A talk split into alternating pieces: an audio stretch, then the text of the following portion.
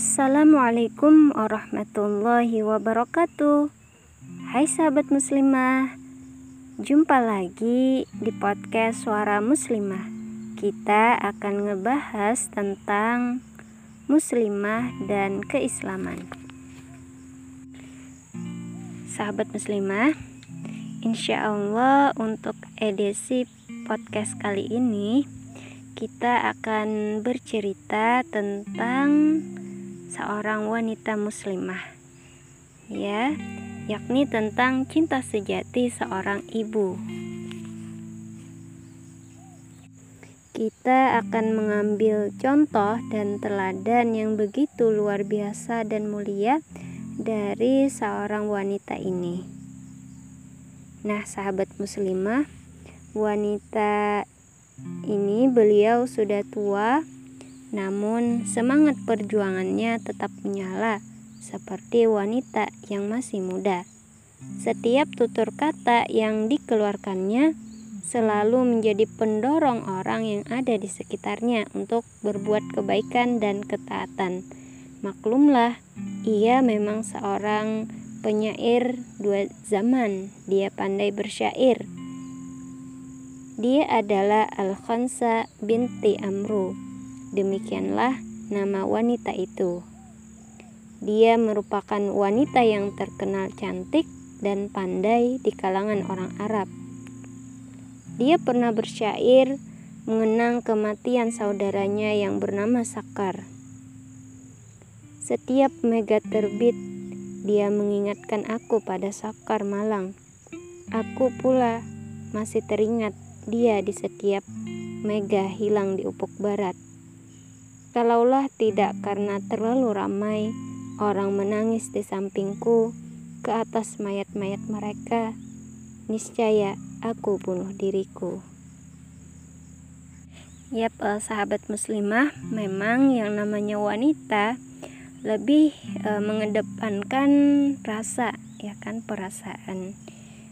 Namun setelah Konsa memeluk Islam, keberanian dan kepandaiannya dalam bersyair yang telah digunakan uh, itu dipergunakan untuk menyemarakkan semangat para pejuang Islam.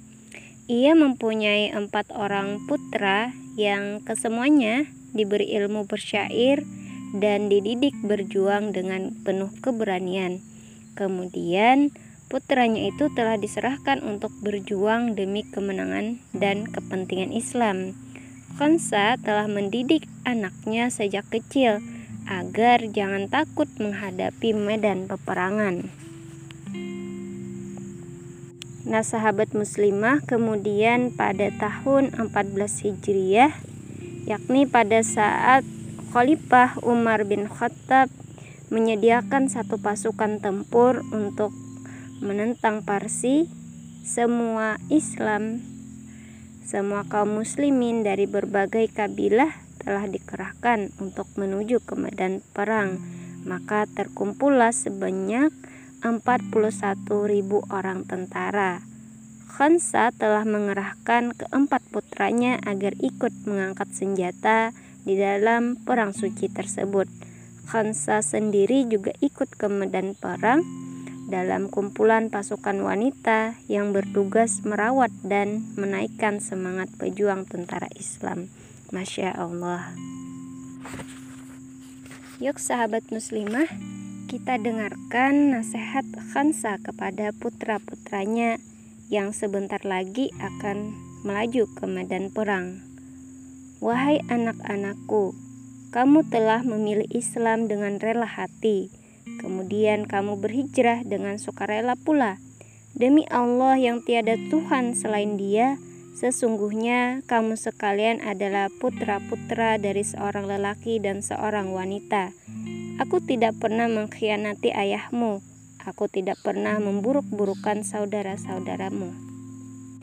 Aku pun juga tidak pernah merendahkan keturunan kamu, dan aku tidak pernah mengubah perhubungan kamu kamu telah tahu pahala yang disediakan oleh Allah kepada kaum muslimin dalam memerangi kaum kafir itu. Ketahuilah bahwasanya kampung yang kekal itu lebih baik daripada kampung yang binasa. Kemudian Khansa membacakan satu ayat dari surah Ali Imran yang artinya Wahai orang yang beriman, sabarlah dan sempurnakanlah kesabaran itu. Teguhkanlah kedudukan kamu dan patuhlah kepada Allah. Mudah-mudahan menjadi orang yang beruntung. Putra-putra Khansa pun tertunduk khusyuk mendengarkan nasihat dari sang ibu yang begitu sangat disayanginya. Nah, selanjutnya Khansa berkata, "Jika kalian bangun esok pagi, insya Allah dalam keadaan selamat, maka keluarlah untuk berperang dengan musuh kamu. Gunakanlah semua pengalamanmu dan mohonlah pertolongan dari Allah." Jika kamu melihat api pertempuran semakin hebat dan kamu dikelilingi oleh api peperangan yang sedang bergejolak, masuklah kamu ke dalamnya dan dapatkanlah puncaknya ketika terjadi pertempurannya. Semoga kamu akan berjaya mendapat balasan di kampungnya abadi dan tempat tinggal yang kekal. Subuh besoknya, semua tentara Islam sudah berada di tikar sembahyang masing-masing untuk mengerjakan perintah Allah, yakni sholat subuh. Kemudian berdoa semoga Allah memberikan mereka kemenangan atau surga. Kemudian, saat bin Abi Waqqas, Panglima Besar Islam telah memberikan arahan agar bersiap-siap.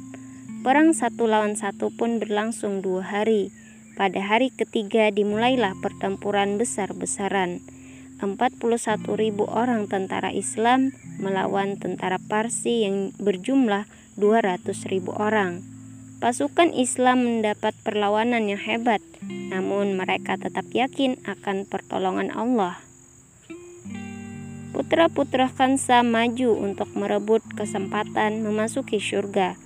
Berkat dorongan dan nasihat dari ibunya, mereka tidak sedikit pun merasa takut Sambil mengacung-acungkan pedang, salah seorang dari mereka bersair, "Hai saudara-saudaraku, ibu tua kita yang banyak pengalaman itu telah memanggil kita semalam dan memberikan nasihat kepada kita.